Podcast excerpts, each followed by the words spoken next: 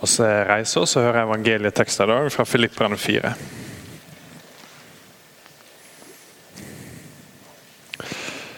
Derfor, mine søsken, som jeg elsker og lengter etter, min glede og min seierskrans, stå fast i Herren, mine kjære. Jeg påminner Evodia og Syntyke likeens. Det må bli samde i Herren. Og jeg ber deg, du som er rette heter Synsygås, at du må hjelpe disse to.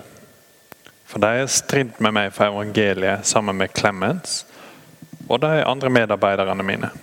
De som har navnene sine skrevet i livsens bok.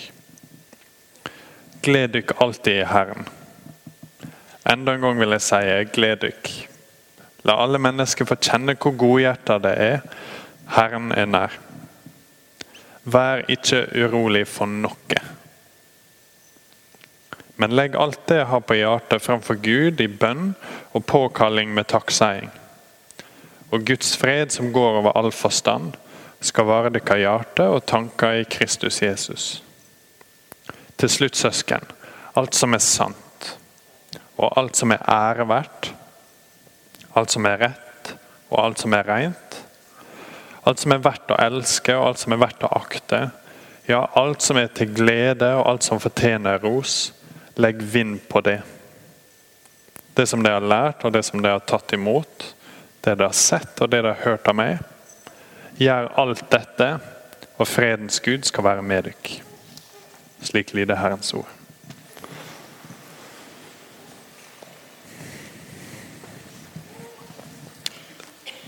Som jeg sa i stad, som dere kanskje ser eh, med en gang, tekst i Bibelen i dag om det å være urolig. Eller kanskje bedre om det å, hva, hva som gjør med uroa som dukker opp hele tida. Eh, Det er kanskje litt nyttig for din egen del nå å tenke litt på hva det er som gjør deg urolig.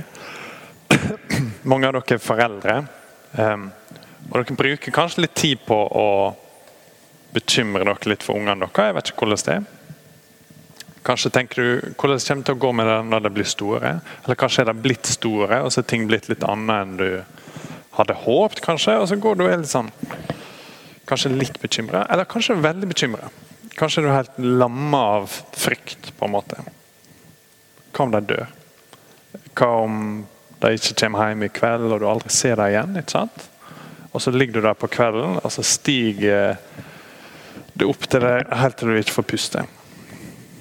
Eller kanskje noe helt annet for deg. Kanskje er det penger. At du er inne og sjekker bankkontoen, og så sjekker du den en gang til, og så sjekker du den en gang til. Og så blir du urolig. At du går og kverner på det. Her er en kar som ikke er urolig. Så, så hvordan kan vi være som han? Eh, hvordan kan vi eh, finne ut hva vi skal gjøre med denne uroa?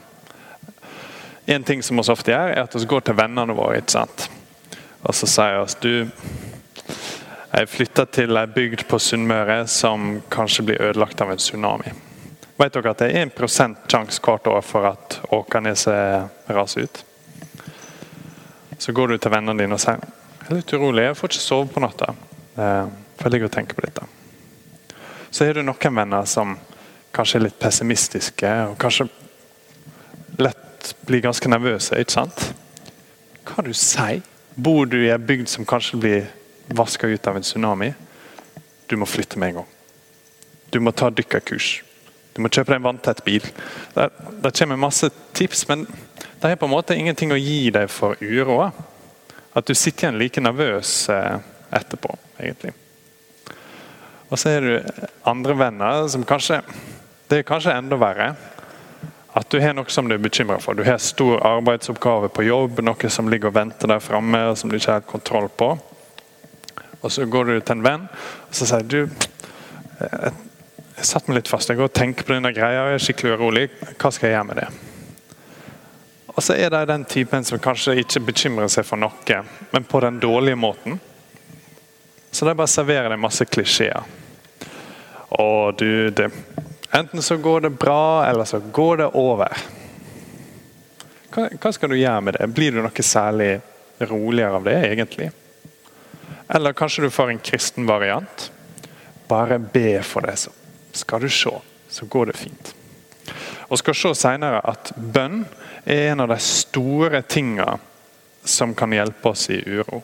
Eh, så det er ikke en liten tulleting, men det kan av og til bli det når vi hjelper hverandre sånn. Hvis du sier 'bare be', så har du egentlig tatt lufta ut av hele greia. Du har gjort uroa til en liten ting. Eh, og det fungerer bare på de små tinga. Det fungerer bare hvis uroa er som en liten bris. Eh, men når orkanen kommer, så er det ingen som kommer bort til deg og sier enten så går det bra, eller så går det over. Så å se litt på denne teksten her. Hva, først, hva er det som er problemet her? Hvorfor, hvorfor er det grunn til å være urolig i Filippi? Hvis du snur arket ditt og ser på eh, vers 2, så står her en liten detalj. Jeg påminner Evodia og Syntyke likeens. De må bli samlet i Herren. Eh, godt tips hvis du skal få en unge. Her er det to navn som du kan bruke. Det er to, to jentenavn, eller to damer. Eh, som er uenige. Og det, På en måte virker det som en liten ting. Det er bare nevnt i en bisetning. Men for det første Det er veldig sjelden i Bibelen at oss får sånn som her. Her er det Paulus som trekker fram to personer og sier noe spesifikt til dem. Tenk, denne brevet er sendt til eh, en menighet, sånn som dere. Så hadde, hvis jeg nå hadde stått her og så hadde jeg lest navnene på to, og jeg påminner Simen Myklebust og en eller annen annen om at det må bli samlet i Herren. Så hadde det vært, Da er det noe på gang. ikke sant? Da er det ikke bare en liten filleting. Og så er det ikke peiling på hva det var. Eh, oss vet at de var uenige om et eller annet, og at de måtte bli samlet i Herren, og at det er en kar som, som skal hjelpe dem med det. da. Men en ting som oss vet fra vår egen erfaring, er at hvis det er to som er i konflikt på en eller annen måte, så bekymrer de seg for dette. Sånn er det, det er det mest naturlige tingene å gjøre. Det går å tenke på det, det går å kverne på det. Um, Kanskje blir det litt sånn grep av angst, og de vet ikke hva de skal gjøre. Så det er deres ting. For, for oss kan det være helt andre ting som gjør oss urolige. Dere vet best sjøl. Tenk på den ene tingen som, som gjør deg ekstra urolig om dagen. Hva, hva skjer med deg da? Kanskje blir du grepet av angst. Og det blir veldig kontrollerende. ikke sant? At nei, du får ikke lov til å gå på den greia du vil på, for sånn er det bare. Og inni det så tenker du mm, de kan ikke gå på den greia, for kanskje de ikke kommer tilbake. Kanskje det ikke er sunt for deg, kanskje det ikke er bra. ikke sant? Men du er så knytt sammen av angst at du klarer ikke å sette ord på det, så du blir kontrollerende og kanskje streng. og sånn. Eller kanskje bare sette deg fast mentalt. Du går og surrer på det og surrer på det, og på det, og kommer deg ingen vei. Eh, du er bare grepet av uro, rett og slett. Hvis det er deg, så merker du at det er ikke så veldig konstruktivt. Det er sjelden at den angsten fører til noe stort og flott i livet ditt. Du blir sittende fast. Men det er ikke alle av oss som møter uro på den måten. Noen av oss gjør det nesten motsatt. At det skjer noe litt stort i livet ditt, eller det kommer en eller annen greie som gjør deg urolig. Så da kobler du det helt ut. Noen av oss er sånn at noe skjer som er litt for stort. Det er jobboppgaver som er for stor. Eh, Helsa di begynner å skrante. og du er bekymra for hva legen skal si. Så Derfor setter du deg ned og ser seks timer TV i strekk. Ikke fordi du hadde så lyst til å se TV, men bare for å bedøve det. på en måte. Eller du hadde tenkt å spise en sjokoladebit, men plutselig så har du spist tre sjokoladeplater. Eller du hadde tenkt å drikke litt alkohol, men plutselig så har du drukket en mengde som du ikke er så stolt over. Eller du tar noe medisin som på en måte tar litt toppen av det. Du bedøver det på en eller annen måte. Og Det er heller ikke en så veldig konstruktiv måte å løse urer på. ikke sant? For problemet er der fortsatt. Du har ikke gjort noe aktivt med det, du har bare roa det ned. To ulike måter å møte det på, men eh, En teolog og veileder som heter David Powelson, sier at begge disse måtene er like passive. Ingen av dem får oss til å gå ut i livet i kjærlighet og hjelpe folk rundt oss. og gjøre noe med ting. Og så er jeg bare satt det på vent. på en måte. Så det er ganske spennende å se i denne teksten hva er det Paulus sier til deg. For jeg tror vi vet intuitivt at Paulus kommer ikke med noen av de tipsene. Tipsene er ikke å være grepet av angst og uro, eller å bare døyve det ned. Så Det jeg holder på med nå, er å gi dere en introduksjon til et vers som mange av dere kan utenat. Vers 4-7 der er noen av de mest kjente versene i hele denne boka. Det kan hende henger på kjøleskapet ditt. ikke sant? Men sånne vers, når bare tar ut av sammenheng, så blir det av og til litt mindre enn de er. For se hva det er Paulus sier til dere her. Han sier 'gled dere alltid i Herren'. Og det, Første gang du hører det, så kan det høres ut som han har gått i samme felle som en del av oss av og til gjør. At han bare serverer en klisjé. Bare gled deg i Herren, så går det sikkert over. Men det er ikke det han har gjort i det hele tatt. Eh, for Paulus er ikke dette en boks med C-vitamin som du må ta litt sånn ekstra. Dette er virkelig hovedretten for hans del. Denne tanken, det å glede seg i Herren, har holdt Paulus flytende gjennom periode i fengsel. Han sitter i fengsel nå når han skriver dette. Eh, han har vært piska. Han har vært i et skip som er i stor fare for å synke. Og gjennom dette, Måten han holder seg flytende på, er denne tanken her. Gled dykk i Herren. Så Hvordan sier han han skal vinne over uro og angst? Ikke på den første måten med å bli grepet av det og overveldet av det. Og heller ikke på den andre måten med å bare døyve det ned eller koble det ut. og Være mest mulig stoiske og ikke føle noe og ikke vise noe. Men heller med glede.